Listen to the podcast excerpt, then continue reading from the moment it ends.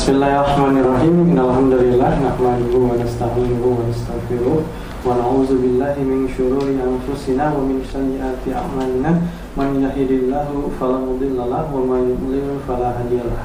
Asyhadu an la ilaha illallah wahdahu la syarika lah wa asyhadu anna Muhammadan abduhu wa rasuluh. Amma ba'du. Assalamualaikum Ustaz. Waalaikumsalam. Bagaimana kabarnya? Alhamdulillah khair. Alhamdulillah Ustaz. Sehat ya Ustaz ya? Alhamdulillah. Alhamdulillah. Baik Ustaz. Hari ini Alhamdulillah Allah bertemu dengan Ustaz untuk membahas membahas pertanyaan-pertanyaan yang sudah dikirim oleh sahabat Asyabah.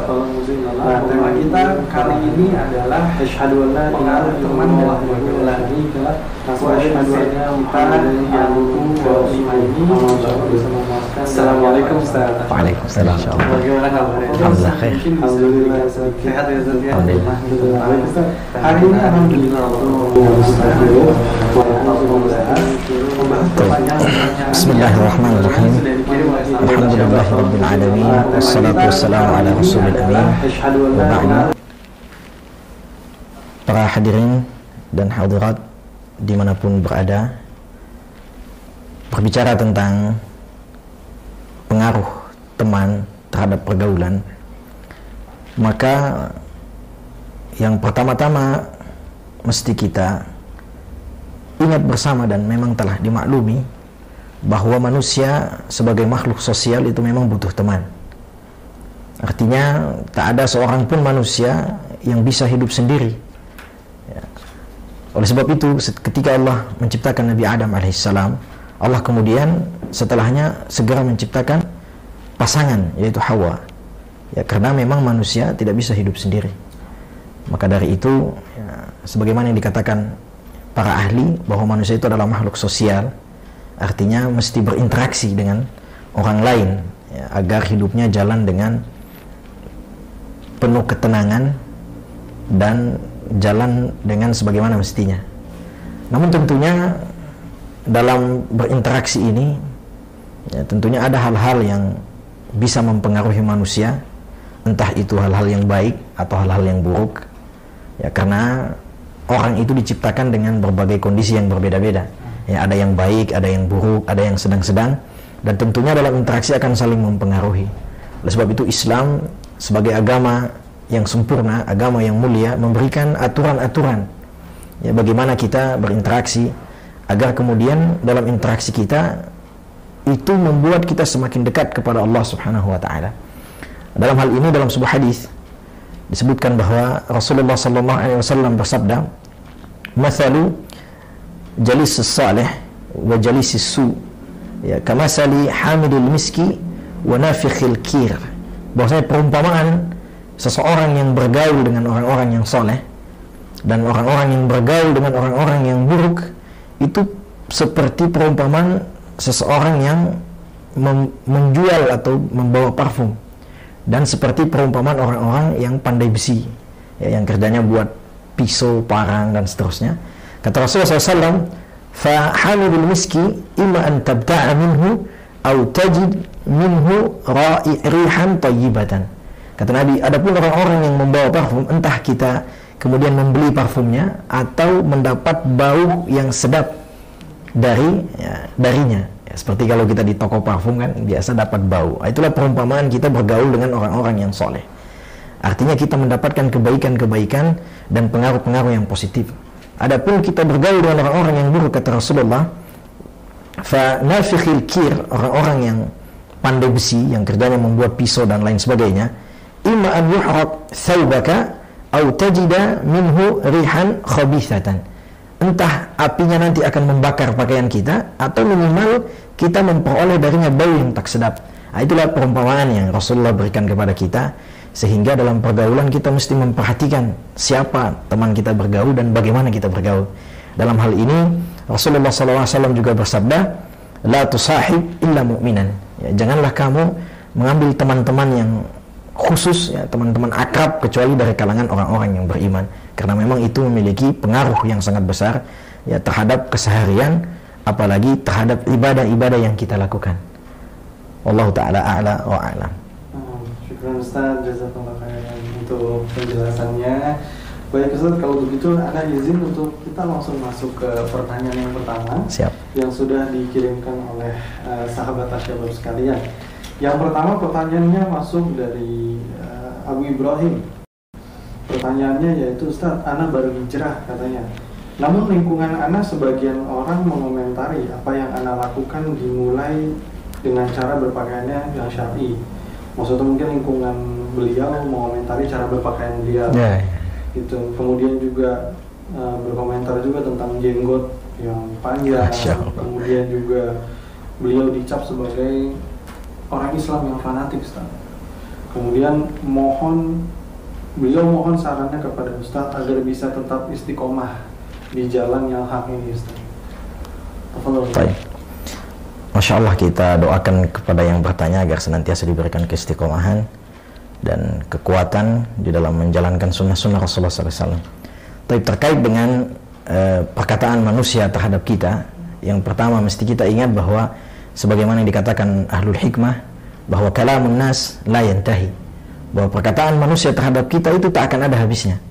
Ya, jangankan kebaikan, ya keburukan pun entah setuju atau tidak, itu semua akan dikomentari oleh orang. Artinya ya, dalam melakukan apa pun, ya, terkadang kita mesti mengesampingkan perkataan orang-orang. Ya, karena itu bisa jadi akan mempengaruhi kita. Artinya ketika kita sudah berhijrah, ya, berusaha untuk mengamalkan sunnah-sunnah Rasulullah, istiqomah dalam beribadah, kemudian datang bahasa-bahasa yang mungkin tidak enak, entah itu dari saudara misalkan, tetangga ataupun teman-teman, maka kita tanamkan dalam diri kita bahwa memang kalau masalah yang tahi. Ya sebaik apa pun orang pasti akan ada yang mengomentari. Nah, itu yang pertama. Kemudian yang kedua yang mesti kita ingat bahwa kita berubah tujuan kita adalah menggapai ridha Allah. Artinya ketika kita ya, memutuskan untuk berhijrah mungkin meninggalkan kebiasaan-kebiasaan buruk yang dulu sering kita lakukan maka memang benar-benar Eh, kita harus niat manusia karena Allah. kita yang Artinya pertama apa? mesti kita ingat bahwa Ketika kita sebagaimana yang dikatakan sesuatu hikmah, karena Allah, bahwa kalam maka itu akan membantu kita untuk perkataan tidak manusia terhadap kita itu akan dengan ada perkataan.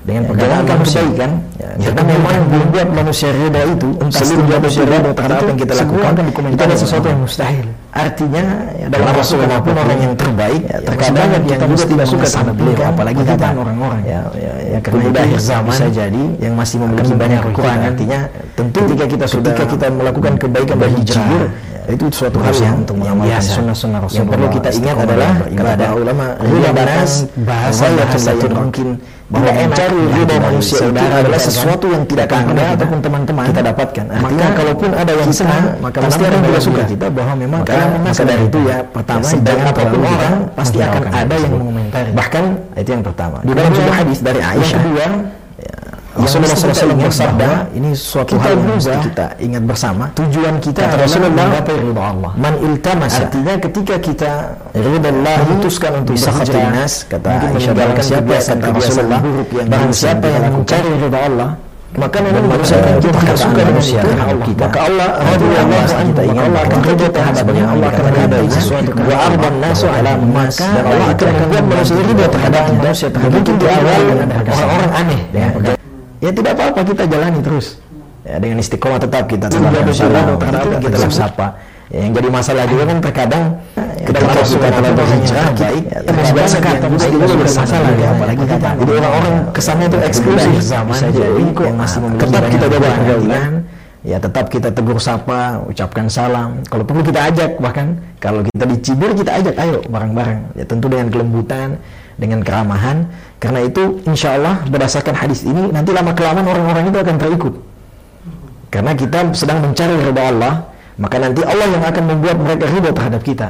Ya kelanjutan hadis sebaliknya waman iltamasa ridha nas eh, bi- bisakhatillah dan barang siapa yang mencoba mendapatkan ridha manusia dan dalam usahanya itu dia membuat Allah itu murka maka kebalikan dari tadi. Dan Allah akan murka kepadanya dan Allah akan membuat manusia itu murka juga terhadapnya ya mungkin kita sekarang mengikuti misalkan keinginan teman kita. Ya, kita melanggar syariat Allah mereka senang terhadap kita. Tapi akan tiba suatu masa kita akan saling membenci. Ya, entah itu di dunia maupun nanti di akhirat. Nah, karena pertemanan yang sejati itu bukan cuma di dunia sampai di akhirat. Ya, apalah gunanya kita akrab di dunia, ternyata di akhirat kita terpisah. Jadi intinya kita tetap fokus. Apa pun yang dikatakan manusia, kita tetap yakin bahwa tujuan kita adalah ridha Allah, maka kita berusaha sebisa mungkin untuk tetap menjaga kebaikan itu. Tapi kan nanti nanya ntar terus supaya istiqomah gimana? Hmm. Kiat-kiatnya banyak tentunya, tapi yang terpenting itu yang pertama adalah kita dalam setiap kebaikan yang kita lakukan adalah niat.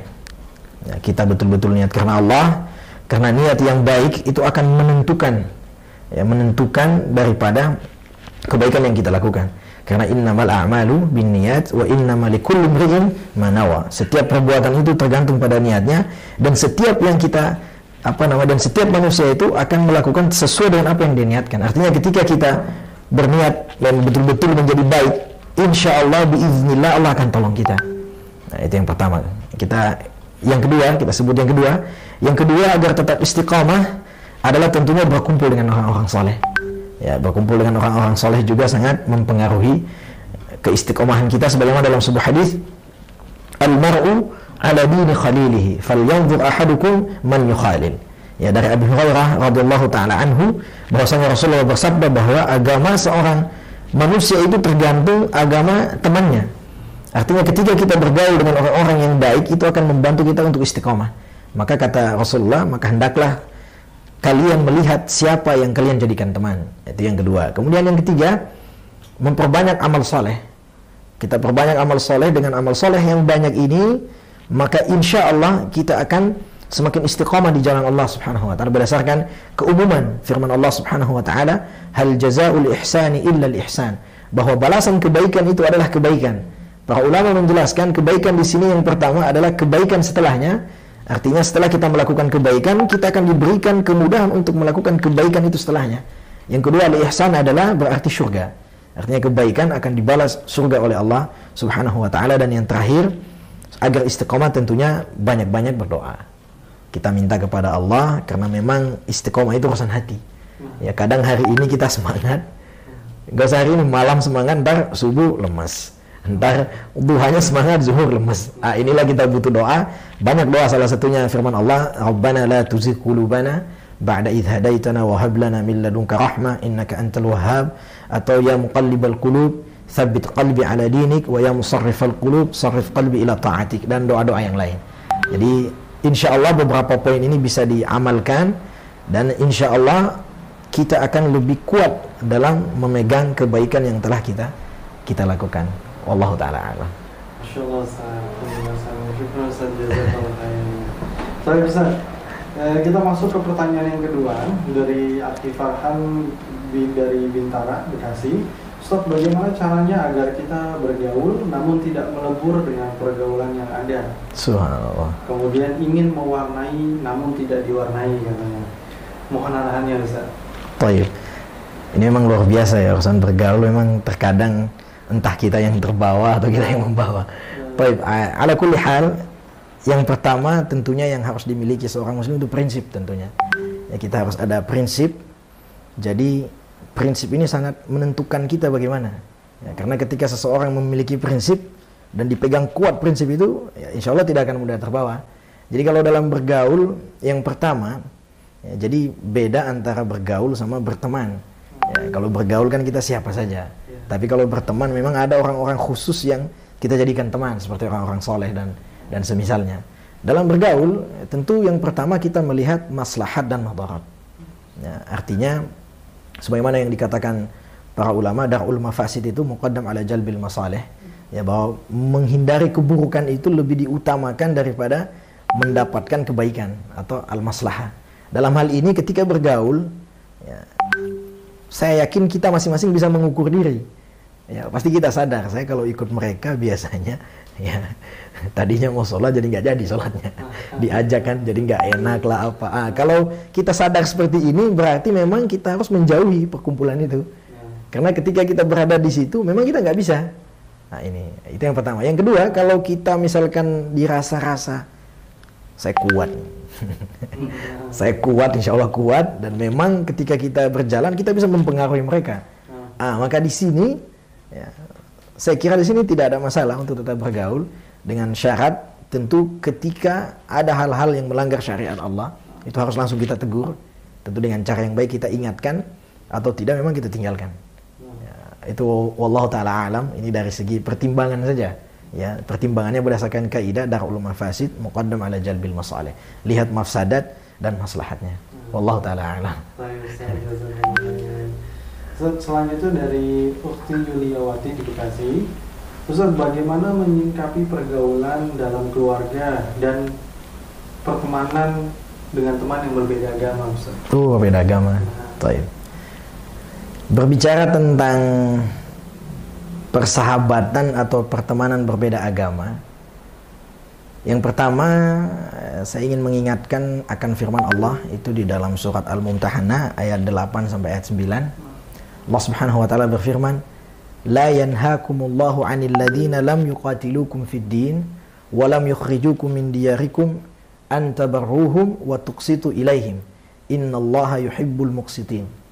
innama yanhaakumullahu 'anil ladzina qataluukum fid din wa akhrajukum min diyarikum wa zaharu ala ikhrajikum an tawallahum wa may yatawallahum fa ulaika humudz zalimun. Ah, ini ayat 8 dan 9 surah Al-Mumtahanah adalah dasar dalam membangun pergaulan terhadap atau pergaulan lintas agama lah istilahnya. Jadi dalam bergaul terhadap orang-orang yang berbeda keyakinan dengan kita, itu tetap kita berinteraksi dengan mereka, kita bergaul dengan mereka, selama selama mereka tidak mengganggu umat Islam, tidak mengganggu ibadah kita, tidak mengganggu amalan kita. Makanya Allah berfirman, la yanhakumullah. Allah tidak melarang kalian, maksudnya kita orang muslim tidak dilarang anil ladina lam yuqatilukum fid din. Tidak melarang kita bergaul dengan orang-orang yang tidak memerangi kita. Lam yuqatiluhum wa lam yukhrijukum min diyarikum dan orang-orang yang tidak mengeluarkan kita dari rumah-rumah kita, maksudnya yang tidak memerangi kita, tidak merampas harta-harta kita, tidak mengganggu kita, ya, tidak mengganggu agama kita terutama. Antabarruhum wa tuqsitu ilaihim, yaitu Allah tidak melarang orang-orang seperti ini, tidak melarang kita untuk berbuat baik terhadap mereka. Artinya kita berbuat baik, kita kasih hadiah. Ya mana tahu dia senang melihat kita kan, oh ini baik, terus dia masuk Islam. Ini kan luar biasa justru menjadi ya, pahala yang besar buat kita. Tapi yang dilarang innama yanhakumullahu 'anil ladzina qatalukum fid din. Adapun mereka yang memerangi kita ya wa akhrajukum min diyarikum merampas hak kita, mengganggu kita, wa zaharu ala ikhrajikum ataupun orang-orang yang memang nampak permusuhan dia terhadap umat Islam. Kan ada biasa tokoh-tokoh yang kebenciannya terhadap Islam itu nampak sekali. Nah, orang-orang seperti ini kita dilarang oleh Allah Subhanahu wa taala untuk bergaul dengan mereka karena kejahatan yang nampak. Jadi selama mereka baik, kita berbuat baik. Jadi buat eh, teman-teman di mana pun berada yang memiliki misalkan teman-teman kelas, teman kuliah, rekan kerja yang mereka dari kalangan non muslim, maka dasar pergaulan kita adalah ayat ini. Ya, selama mereka tidak mengganggu agama kita, maka kita bergaul dengan mereka. Dan tidak diperbolehkan juga bagi kita menghina agama mereka. Kan biasa anak-anak muda kan ada cerita-cerita lucu-lucu gitu kan. Nah, ini juga nggak boleh. Ya. Di dalam Al-Quran Allah berfirman, "Wala tasubbul ladina yad'una min dunillahi fayasubbullaha adawan bighairi ilm." Kata Allah, janganlah kamu menghina orang-orang yang menyembah kepada selain Allah. Karena kenapa? Penghinaan kita itu akan membuat mereka juga menghina kita. Fayasubbullaha adawan bighairi. Karena kita menghina, maka mereka menghina balik Tuhan kita ya dengan penuh kemusuhan dan mereka tidak tahu. Makanya kata para ulama, ketika kita menghina agama orang, maka secara tidak langsung kita sedang menghina Allah. Karena itu akan memancing mereka untuk membalas hinaan dan mereka akan menghina Allah. Artinya kita berbuat baik kepada orang non muslim selama mereka baik dan kita juga tidak boleh mengganggu mereka. Wallahu taala a'la wa a'lam. Dan Ustaz pertanyaan berikutnya datang dari Akhir Usman di Jakarta Timur. Ustaz, karena ingin bertanya, sekarang banyak kejadian yang mulai terasa aneh seperti dilegalkannya perkumpulan dukun senusantara. Masya Allah. Oh, ya.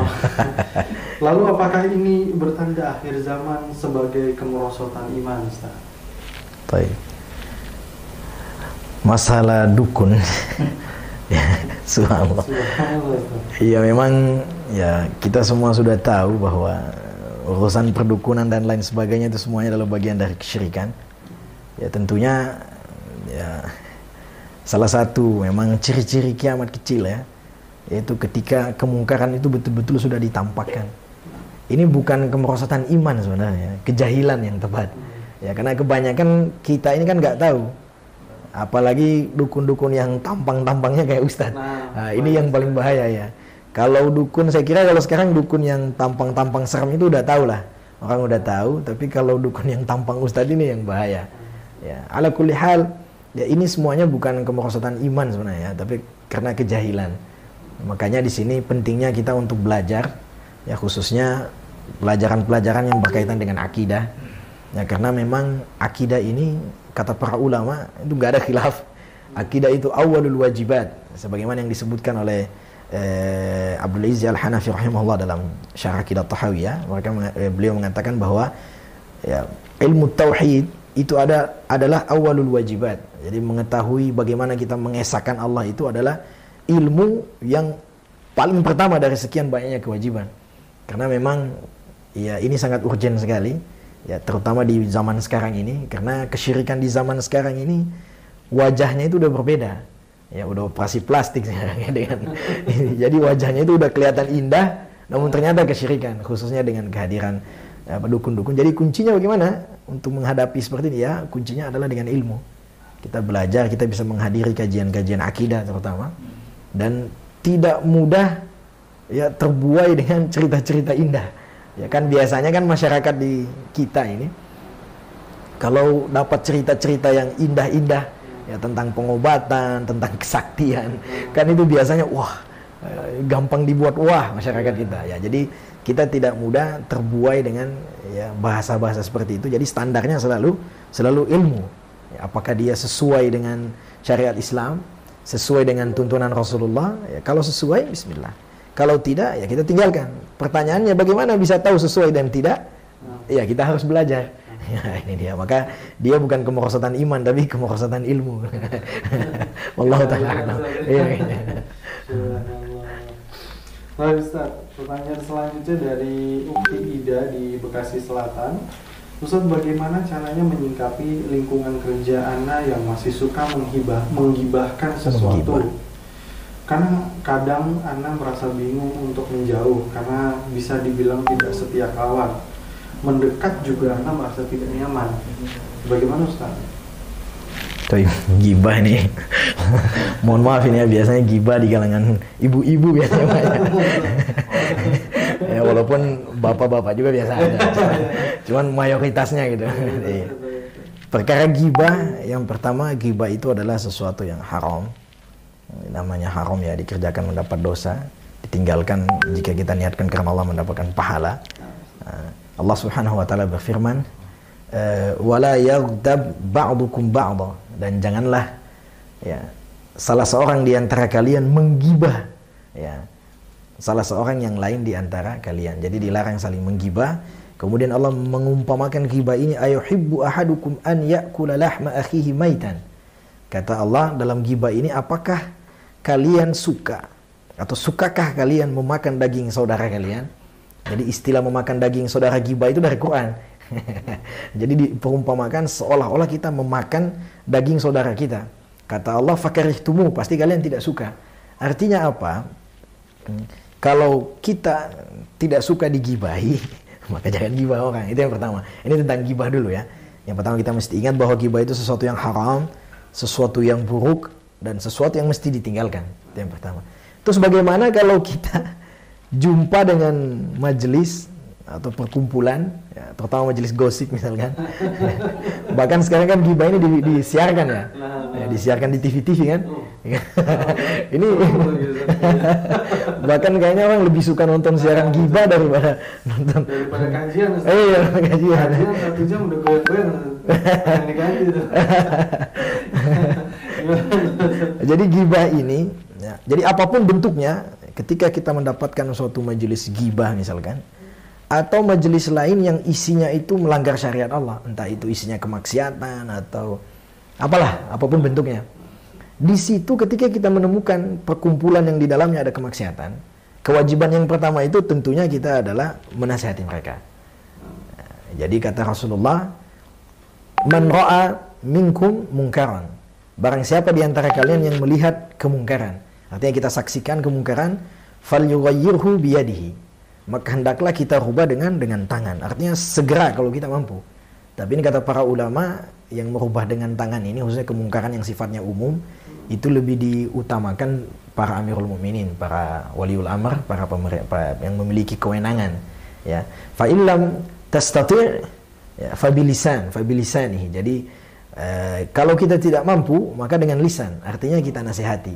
Maksudnya apa? Ketika kita dapat majelis yang di dalamnya ada kemungkaran, kita sampaikan ya akhi misalkan.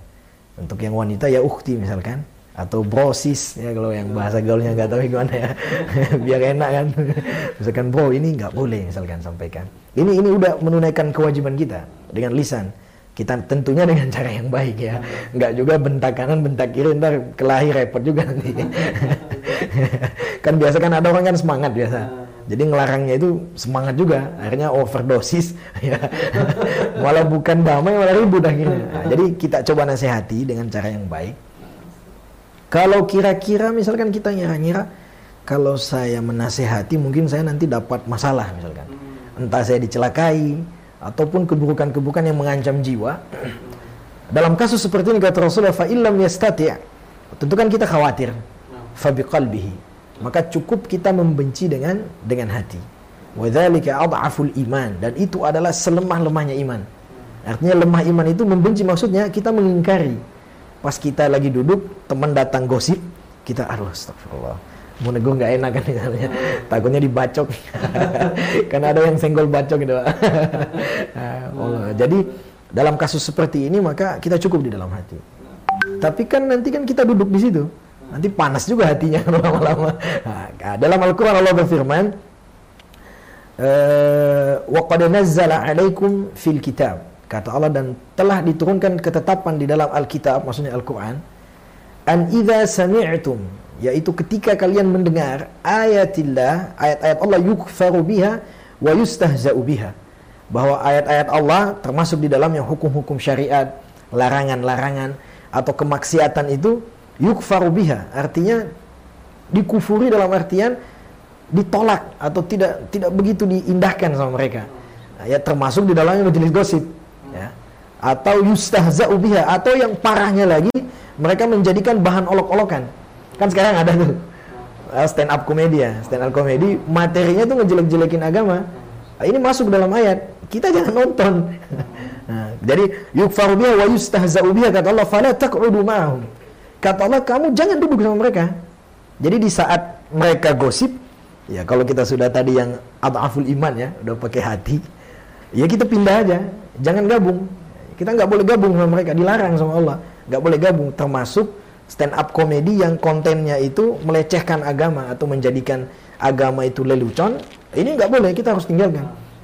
Ya, karena menjadikan agama lelucon ini memang bagian dari kekufuran juga. Ya, tapi tentunya ya berbeda lagi antara orang yang tahu sama tidak tahu. Ya, ini lain lagi hukumnya. Ya, jadi terkait masalah menjadikan agama lelucon ini sedikit di luar pertanyaan ya. Karena ini penting karena banyak terjadi itu dalam firman Allah jelas dikatakan yang suatu ketika ketika sahabat pulang dari perang Uhud ya beberapa orang munafik itu bercanda-canda mereka ya ngejek-ngejek gosip-gosip bisik-bisik ngejek-ngejek sahabat ya sampai kemudian sampai itu kepada Rasulullah dan mereka buru-buru datang minta maaf maka turunlah ayat jadi sebelum mereka sampai Allah itu telah memberitahukan kepada Rasul perihal mereka wala in sa'altahum la yaqulunna innama kunna nakhudu wa nal'ab Kata Allah, jika engkau menanya mereka, mereka akan bilang, kita itu cuma main-main, bercanda. Qul abillahi wa ayatihi wa rasulihi kuntum tastahzi'un. Katakan, wahai Muhammad, apakah dengan ayat Allah? Apakah dengan Allah ayat-ayatnya dan Rasulnya kalian bercanda? Kali ini ini nggak boleh. Jadi majelis gosip termasuk menjelek-jelekan syariat apa pun bentuknya itu nggak boleh. Jadi kita nggak duduk sama mereka sampai kapan? hatta yakhudu fi hadisin ghairi sampai mereka ganti topik. Tadi gosip nih. Gosipnya udah selesai iklan misalnya. Kita gabung. Entar gosip lagi pergi lagi. Kan katanya tadi kan nggak enak nggak nggak setia kawan katanya ya. Biar aman. Ya kalau gosip kita pergi. Gosipnya beres kita balik lagi nah, biasanya gitu tuh gosip kita pergi iya iklan katanya sekarang begitu kita duduk dia gosip lagi pergi lagi tapi kalau bolak balik repot juga lama-lama Karena kalau kita duduk, kata Allah, Innakum idzam misluhum. Kata Allah, kalau kamu duduk di situ maka kamu sama seperti mereka. Nah, sampai ditutup innallaha jami'ul munafiqina wal kafirina fi jahannam jami'a. Jadi Allah mengumpulkan orang munafik dan orang kafir ini kan ngeri. Ayat ini ujungnya kayak gini. Kita kan jadi ngeri-ngeri juga dengarnya ya. Seolah-olah orang yang memain-mainkan itu kan jadi kayak orang munafik. Dikumpulkan sama orang kafir ini kan takut juga kita. Di dalam ayat yang lain Wa idza ra'aita alladziina yakhuduna fi ayatina fa'a'rid anhum hatta yakhudu fi haditsin ghairi. Ini ayatnya beda, ini surat di surat di surat Al-An'am tapi maknanya sama. Jika kalian melihat orang-orang yakhuduna fi ayatina yang main-main sama ayat kita, termasuk di dalamnya kata para ulama, orang-orang yang melakukan kemaksiatan dalam satu kelompok, kita lihat fa'a'rid anhum maka berpalinglah dari mereka hatta yakhudu fi haditsin ghairi sampai mereka ganti topik Wa imma yunsiyannaka syaitan. Ah, ini tambahan pengetahuan. Kalau kita lupa, kan kadang keasikan nih. Lagi ngobrol terus gosip kita enak juga campur. Iya, saya juga dengar. Kan kadang kita ke bawah suasana. Nah, ini kata Allah, wa imma yunsiyannaka syaitan. Saya sengaja sebut ayatnya yang ada tambahan. Kalau setan membuat kau lupa, kita lagi duduk teman gosip kita gabung juga iya saya juga tahu dengar dia kemarin nyolong misalkan iya. nah, ini kita kan tiba-tiba ingat Astagfirullah, saya gabung majelis gosip nih. Kata Allah, "Fala taq'ud ba'da dzikra ma'al qaumidz zalimin." Maka ketika kamu lupa, nggak sengaja ikut dalam arus, maka ketika ingat kata Allah, "Fala taq'ud ba'da dzikra." Segera kita pergi. Apa izin apa aja? Ke belakang ke mana, buang hajat, pokoknya segera pergi. Jangan duduk setelah ingat sama orang-orang yang zalim. Terus lanjutan ayat, "Wa ma 'alal ladzina yattaquna min hisabihim min syai'in." Dan kata Allah, kelanjutan ayat bahwa tidaklah ada kewajiban bagi kita terhadap mereka setelah itu walakin zikra selain kita mengingatkan mereka la'allahum yattaqun. Jadi kita nasihati mereka supaya mereka bertakwa. Kalau mereka nggak mau ya wazaril ladzina takhudhu dinahu ini panjang ya. Kalau udah nasihati nggak bisa ya masalah mah. Berarti kita emang nggak cocok. Wallahu taala a'la wa a'lam. Masya Allah. Tapi Ustaz, kemudian dari Ukti Fitri di Bekasi Selatan, Ustaz Anda mau bertanya bagaimanakah yang dimaksud dengan pertemanan di atas ketakwaan? Subhanallah. Karena Anda pernah mendengar siapa yang tidak berteman di atas ketakwaan maka kelak ia akan menjadi musuh di dunia dan di akhirat. Taib. Eh, berkaitan dengan pertemanan di atas ketakwaan yang tadi katanya kalau tidak bertakwa temanannya nanti musuhan. Nah, ini sebenarnya firman Allah dalam surat Az-Zukhruf ayat 67 kalau nggak salah ayat 67 surat Az-Zukhruf Allah berfirman al-akhillau yawma idzin ba'dhum li ba'din aduwwun illa al-muttaqin bahwa al-akhilla yaitu orang-orang yang saling menyayangi teman-teman akrab ya. Kalau masih sekolah kan geng-geng gitu. Ada geng hijau, geng apalah. Jadi geng-geng itu yang kita temanannya biasanya hidup semati kalau masih biasa lah anak-anak SMA biasanya. Nah, jadi teman-teman seperti ini al akhilla yauma izin kata Allah di hari kiamat nanti akan saling bermusuhan. Ya, saling bermusuhan illal muttaqin kecuali orang-orang yang bertakwa. Maksudnya saling bermusuhan. Kenapa saling bermusuhan? Ya, karena nanti ini kan saling mempengaruhi mereka. Saling mempengaruhi. Nah, nanti di hari kiamat pas masuk peradilan Tuhan, ya anggaplah ini ya, anggaplah saling semuanya jahat. Ya, nanti pas menghadap Tuhan itu nanti saling menyalahkan. Gara-gara kamu saya jadi gini. Yang lain itu saya kamu yang ah, jadi saling menyalahkan tengkar. Maka di situlah terputuslah pertemanan mereka. Ya, karena mereka nanti saling menyalahkan. Banyak ayat-ayat yang menjelaskan bagaimana nanti orang-orang saling saling saling menyalahkan saling firman Allah wa idh finnar ya suatu ketika di hari kiamat di, di neraka orang-orang itu saling adu hujah faqala alladziina istakbaru lil ladziina istud'ifu inna kunna lakum tab'a dan orang-orang yang sombong orang-orang yang lemah mereka menyalahkan gara-gara kita ngikutin kamu kita jadi gini faqala alladziina istakbaru inna kullun fiha Kemudian orang-orang ini dia jawab lagi, udahlah kita semua udah di dalam sini santai aja. Inna Allah qad hakama bainal ibad. Kita udah udah diputuskan, jadi udah kamu jangan protes lagi. Jadi nanti saling protes. Bahkan saling saking gregetnya mereka protes, ditanya sama malaikat. Malaikat juga greget lihat mereka. Ini udah sama-sama jahat, masuk ribut lagi di neraka. Kata malaikat, qala eh, qalu alam taku ta'tikum rusulukum bil bayyinat? Malaikat nanya kalian ini nggak pernah dapat keterangan dari nabi? Kata mereka qalu bala kita dapat. Kata mereka qala fad'u. Kalau gitu doa kamu minta. Wa ma du'aul kafirina illa fi dhalal. Akan tetapi doanya orang-orang kafir itu tidak bermanfaat sama sama sekali. Jadi nanti saling menyalahkan. Ah, inilah yang dimaksudkan pertemanan yang jadi musuh nanti nah, jadi pertemanan di atas ketakwaan itu bagaimana jadi teman kita ini, kita berteman ya karena ketika kita dekat dengan dia, kita makin dekat dengan Allah. Ya, bukan ketika dekat dengan dia waktu terasa lambat. Nah, ini, lain lagi. Bulan terasa besar, ini kan lain lagi. Ini bucin gini. Tapi ketika kita dekat kan ada teman tuh biasanya kalau kita jalan sama dia bawaannya kita soleh terus. Ya mau ngapa-ngapain nggak enak. Ya mau gini nggak enak. Ah ini teman yang ber, ah, kita berteman di atas ketakwaan. Kita dekatin dia karena kita merasakan energi, energi positif dari dia. Nah inilah yang nanti hari kiamat akan akan tetap terjaga ketannya. Karena nanti di hari kiamat itu orang akan saling mencari, saling mencari. Bahkan di surga nanti keluarga itu akan saling berjumpa. Tapi ketentuan dan syarat berlaku. Ya, syarat ketentuan berlaku iman dan takwa, termasuk teman-teman. Bahkan dalam hadis Nanti orang-orang soleh itu mencari teman-temannya di dunia yang yang tidak nampak di surga. Kemudian mereka memberi syafaat. Nah, inilah yang dibilang ya teman sejati. Ya, teman sejati itu bukan sehidup semati, tapi teman sejati dunia akhirat. Termasuk pasangan sejati. pasangan sejati itu bukan cuma di dunia, sampai di surga jumpa lagi. Allah taala ala wa alam. Baik, eh, kita masuk ke pertanyaan berikutnya dari Akin Jamal di Dunia Sawit. Ustaz, Anda punya teman dekat lalu kemudian kami mempunyai masalah. Anda tidak tahu apakah Anda atau dia yang salah. Yang jelas Anda sudah meminta maaf. Namun teman Anda sampai sekarang masih mendiamkan. Subhanallah. Apa yang harus Anda perbuat Ustaz? Mohon pencerahannya. Baik. Ya memang dalam pertemanan kadang ada salah paham. Iya betul ada salah paham betul. Yang pertama terkait salah paham, marahan, apalah bahasanya saling marahan biasa salah paham. Kalau di dalam hadis itu la yahillu limri'in aw li muslim limri'in muslim an yahjura akhahu fawqa thalath. Jadi tidak dibolehkan seorang muslim itu ya bermarahan atau enggak saling omong melebihi tiga hari.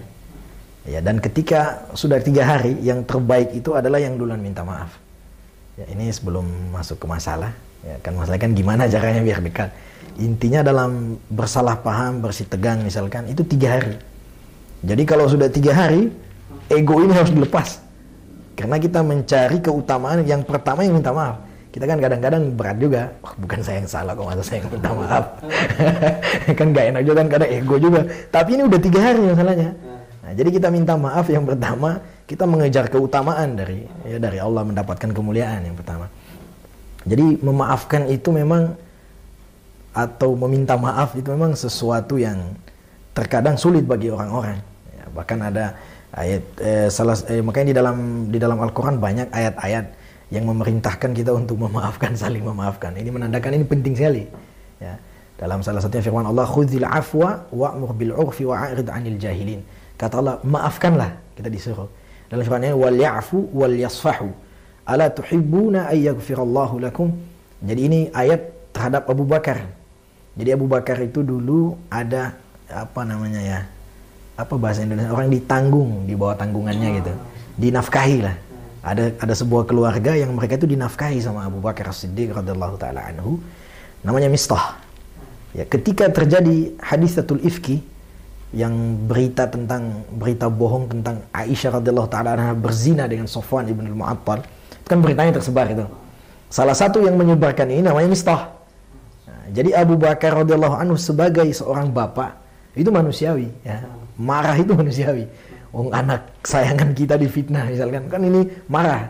Sampai beliau bersumpah tidak akan marahnya beliau ini tidak akan lagi memberikan nafkah bantuan untuk kebutuhan sehari terhadap Mistah dan keluarganya.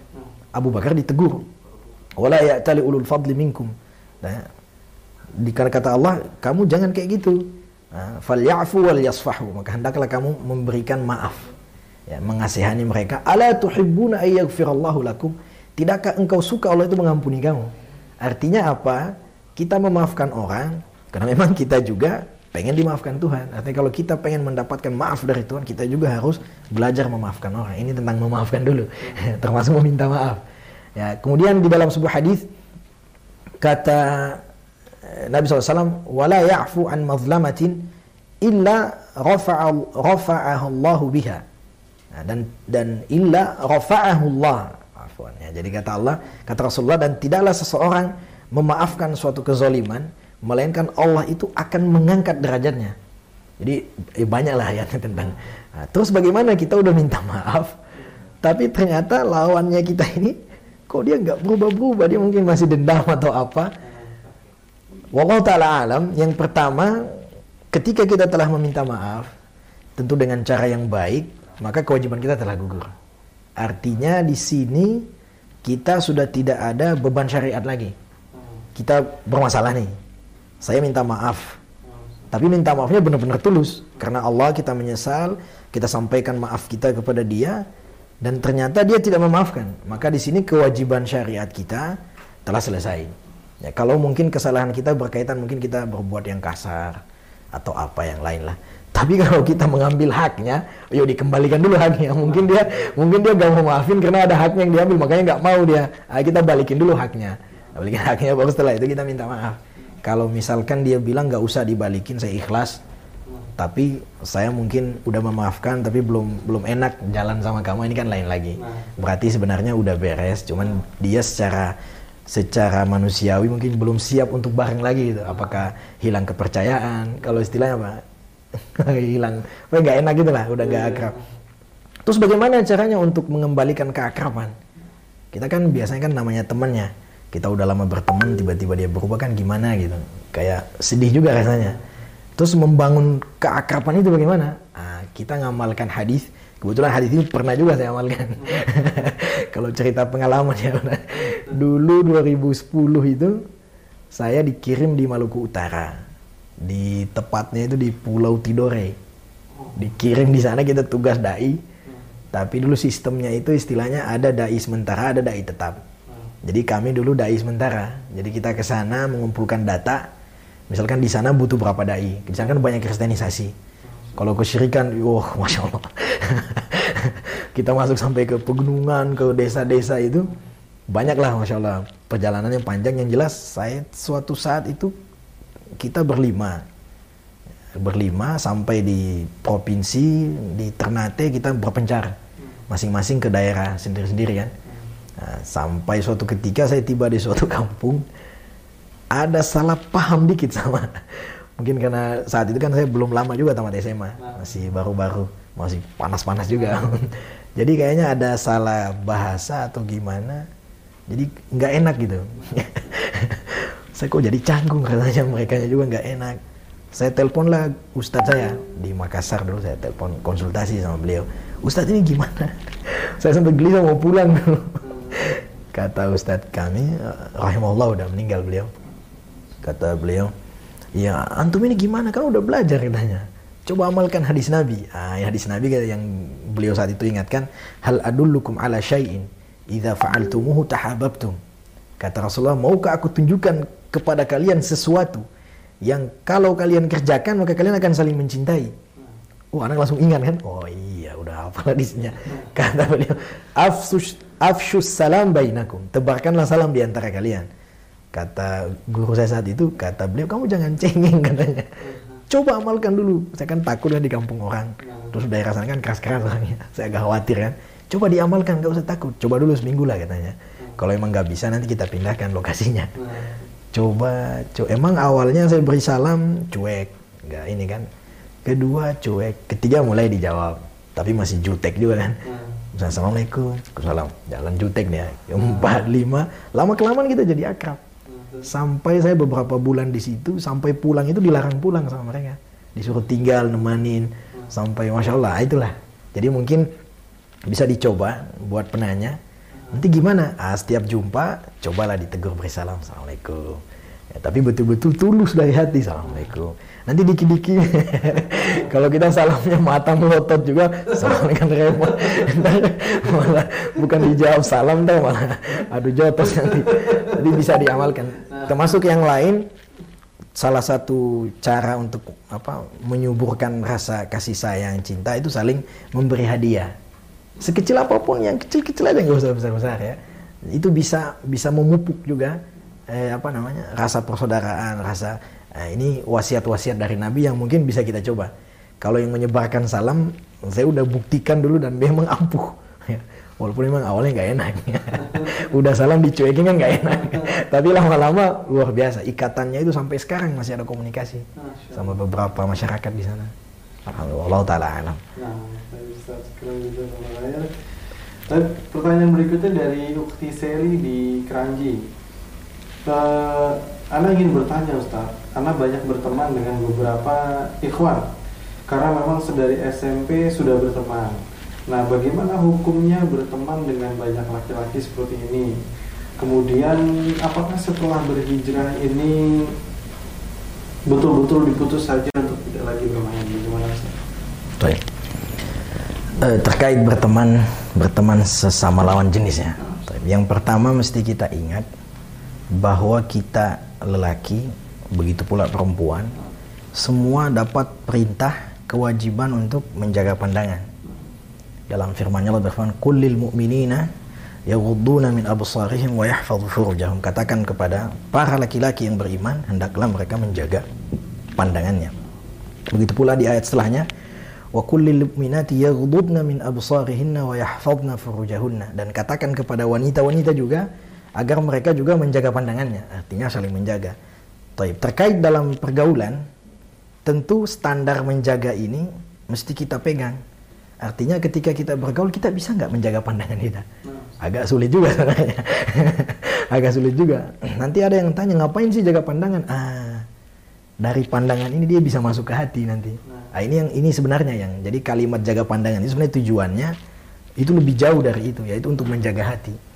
Dan memang kebanyakan terjadi pelanggaran-pelanggaran syariat ya termasuk perselingkuhan. Awalnya itu ya dari pergaulan ya, pergaulan terhadap lawan jenis yang mungkin sedikit berlebihan. Dan memang ini memang untuk zaman sekarang ini kayak sudah sesuatu yang lumrah. Makanya pelanggaran juga menjadi sesuatu yang lumrah juga. Jadi terus bagaimana? Apakah ya dalam bergaul? Yang pertama kita tidak bergaul atau tidak berinteraksi kecuali untuk hal-hal yang penting. Kalau cuma sekedar nongkrong ah ini sudah ya udah nggak perlu ditinggalkan aja lah. Apalagi seorang wanita kan terkadang yang saya lihat juga kadang wanita mungkin dua teman cowoknya mungkin sepuluh lima ini juga nggak bagus dan bahkan berbahaya. Karena kita nggak tahu setan itu masuknya lewat mana. Dan saya kira kejadian sudah banyak. Jadi khususnya kepada teman-teman wanita dibatasi pergaulan sama lelaki. Yang pertama memang itu bisa menjadi jalan bahkan di dalam Al-Quran kan Allah mensifati perempuan yang baik wala mutakhidati akhdan perempuan yang baik-baik itu salah satunya adalah yang tidak memiliki teman-teman dekat dari kalangan cowok iya jadi kalau berteman ya seperlunya. Nanti kan nanti kan orang, uh sombong amat ya enggak. Ya memang syariat seperti itu. Jadi seperlunya. Misalkan teman kelas, ya kita nanyanya pas ada tugas, tidak lebih. Ya enggak, cuma nanya tugas lo, nanya tugas atau apalah seperlunya saja. Tidak berlebihan apalagi sampai kadang kan temanan jalan bareng. Kok ini kan ini udah udah enggak ini udah enggak. Jadi kalau ada teman-teman ya kalau bisa dibatasi dibatasi dan kembali ke tadi maslahat dan madarat diperhatikan. Kalau memang ternyata apa namanya hal itu membuat kita semakin menjaga pandang apa susah menjaga pandangan ya ditinggalkan. Dan insya Allah Allah akan mengganti dengan teman-teman yang lebih baik. Ya maksudnya kita lelaki tidak berteman sama perempuan pun enggak, insya Allah enggak mati kita. Masih hidup. nah, jadi saya kira bahkan Rasul itu diceritakan sama Ummu Salamah radhiyallahu taala anha Nabi itu saking menjaganya, jadi Nabi dalam satu majelis itu, ya, anggaplah kajian kalau kita ya, kan biasa kan ada umat, ada akhwat, ada hadir. Jadi Nabi itu ketika selesai, beliau salam, kata Ummu Salamah radhiyallahu taala anha, diceritakan dalam Sahih Bukhari, Nabi itu duduk dulu, beliau duduk, duduk di tempat sampai semua wanita keluar, baru Nabi berdiri. Makanya eh, setelah kajian wanitanya itu akhwatnya ummahatnya itu segera mereka mereka meninggalkan tempat. Nabi diam dulu nanti udah mereka pergi barulah Nabi dia dia beranjak dari tempatnya. Kata Ummu Salamah beliau berpendapat radhiyallahu taala anha bahwa sepertinya Nabi itu sengaja biar para wanita pergi dulu. Ini dalam rangka untuk menjaga. Ya, karena dalam Islam itu perempuan itu sangat dimuliakan, sangat dijaga sekali. Ya, karena kadang bilang kok kayak dikekang ya, nggak boleh gini, nggak boleh gitu. Itu penjagaan dari Allah sebagai bentuk pemuliaan. Jadi wanita dalam Islam itu istimewa, saking istimewanya banyak peraturannya dari Tuhan. Diatur karena memang Allah sayang sama wanita. Ya, prianya juga disayang insya Allah. Entah kan cuma wanita disayang repot juga. Jadi Nabi dia seperti itu. Bahkan kata Aisyah radhiallahu taala anha, Nabi itu tidak pernah menyentuh sekalipun perempuan yang bukan mahramnya. Enggak pernah itu saking menjaganya beliau. Ya, jadi ya untuk masalah pergaulan ya kita kalau mau ngikut Nabi ya kurang lebih seperti itu ya Allah taala berikutnya Ustaz dari Akhi Rahman di Bintara lagi hits nih Ustaz lagi hits. Aku Ustaz ada ingin bertanya. Saat ini ada sebuah aplikasi yang dapat merubah foto laki-laki kemudian menjadi perempuan dan sebaliknya. Bagaimana hukumnya Ustaz? Bila kita melakukannya? Terlalu gaul. Terlalu gaul. Saya kurang hits berarti anak ini. Soalnya nggak terlalu tahu aplikasi tapi memang pertama ini virus hits ini sangat sangat berpengaruh di di kaula muda terutama ya. Sangat gimana ya terutama kita orang Indonesia kita masyarakat ini biasanya kagetan kalau lihat sesuatu yang wah kita langsung ikut dan semua. Ntar udah lama bosan muncul lagi yang baru wah ikut lagi.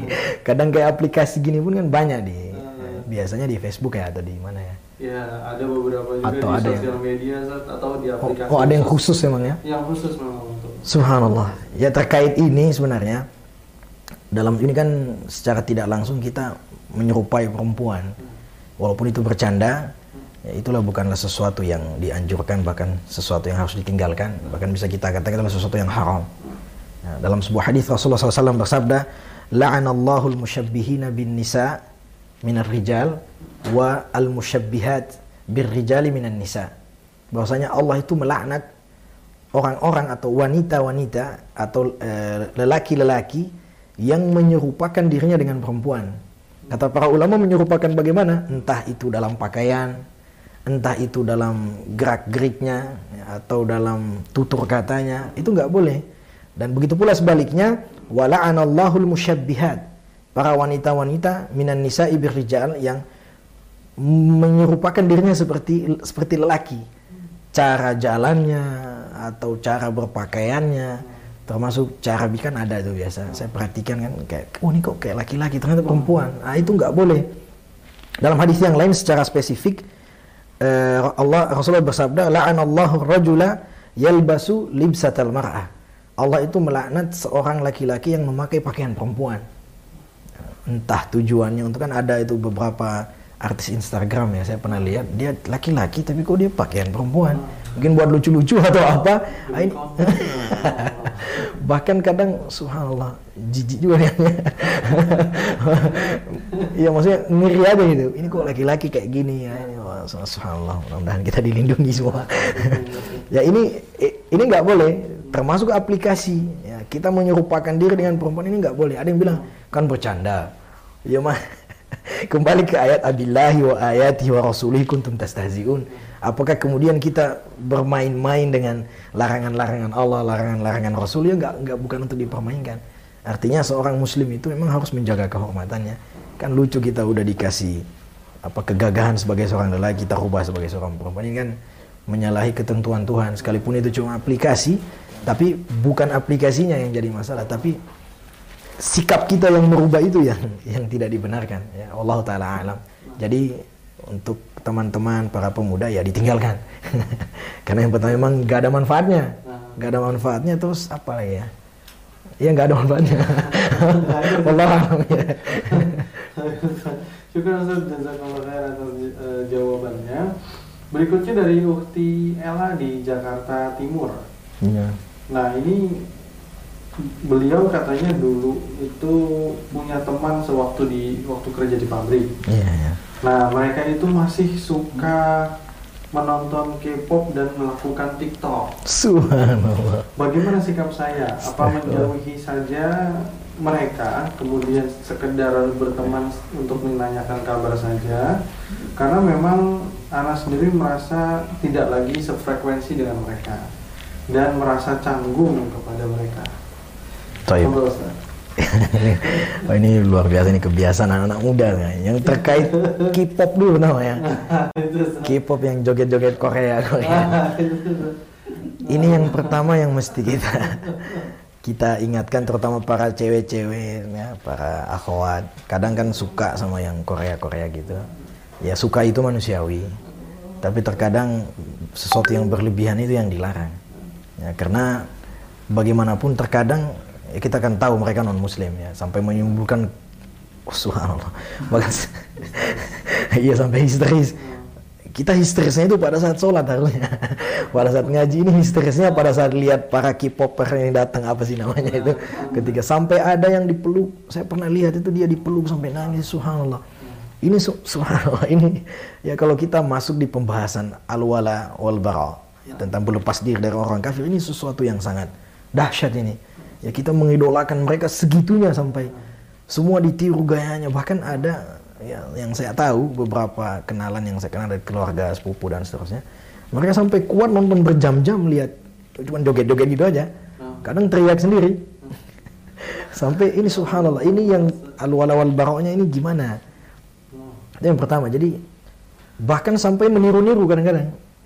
Entah itu ditiru gaya kebanyakan gayanya sih ditiru jogetnya kemudian masuklah di TikTok.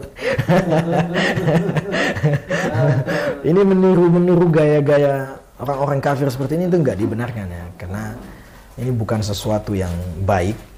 Ya, dan man tasyabbah biqaumin fahuwa minhum bahasa yang menyerupai suatu kaum pada sesuatu yang menjadi kekhususan mereka karena aslinya K-pop ini nggak ada dalam sejarah Islam itu nggak nggak ada K-pop nggak ada.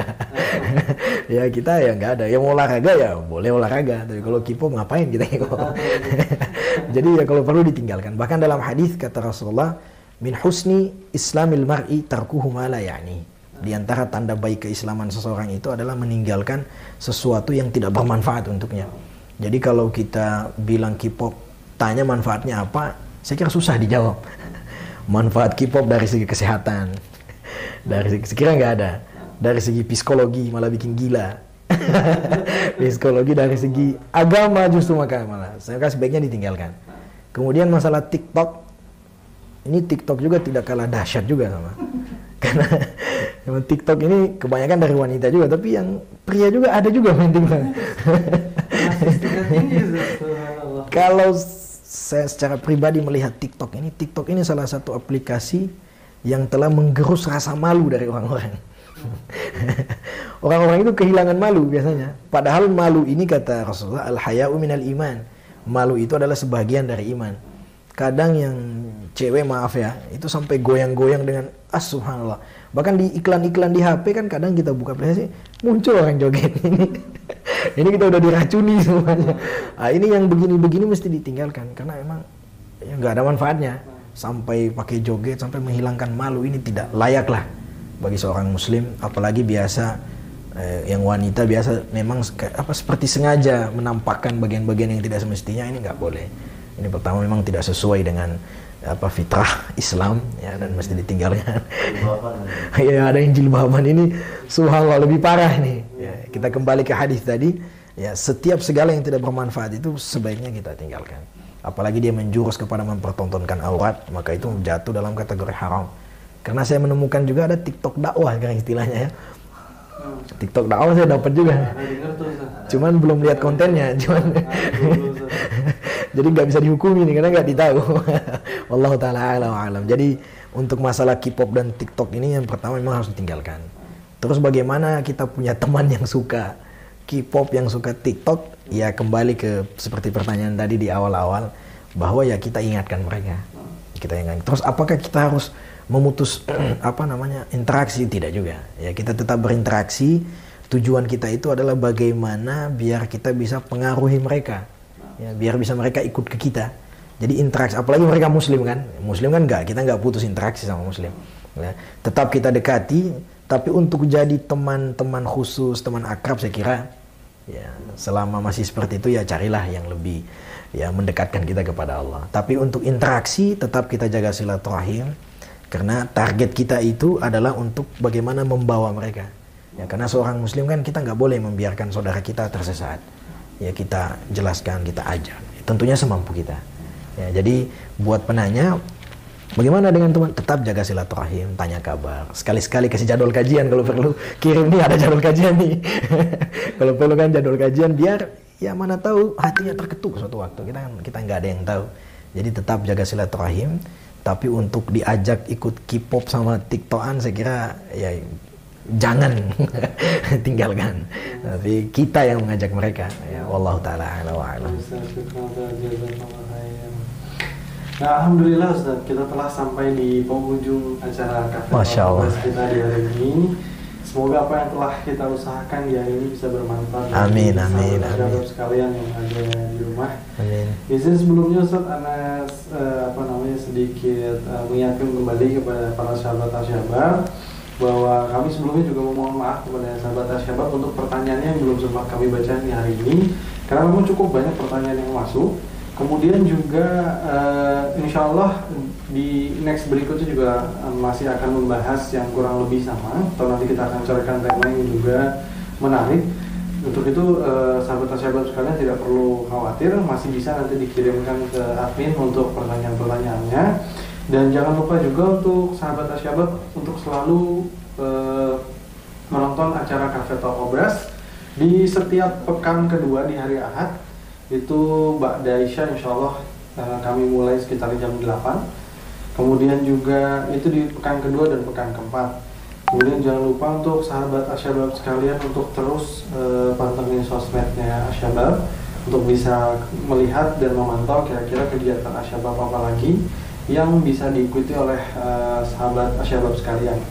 Tapi Ustaz untuk menutup uh, Cafe Talk kita hari ini Tafadol Ustaz memberikan sedikit uh, rangkuman untuk uh, acara kita di hari ini dan Tafadol Ustaz juga langsung menutup acaranya.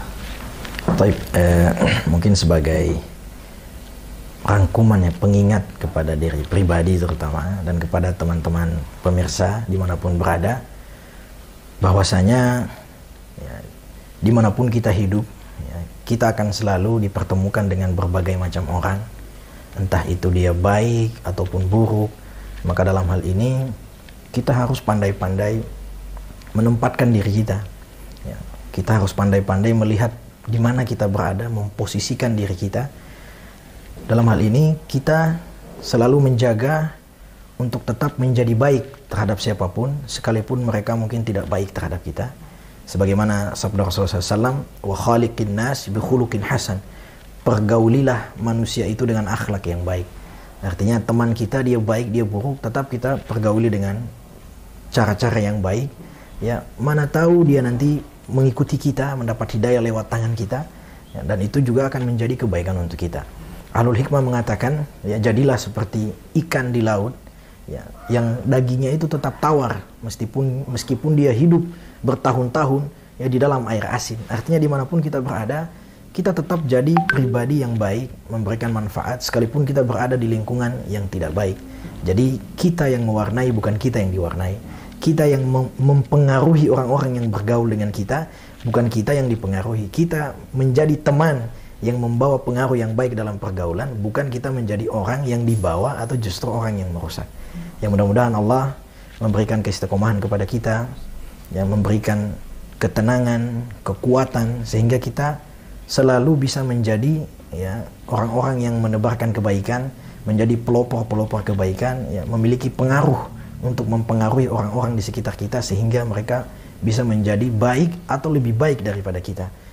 Amin ya rabbal alamin. Wa sallallahu wasallam ala nabiyyina Muhammadin wa ala alihi wa sahbihi wasallam wa akhiru da'wana alhamdulillahi rabbil alamin.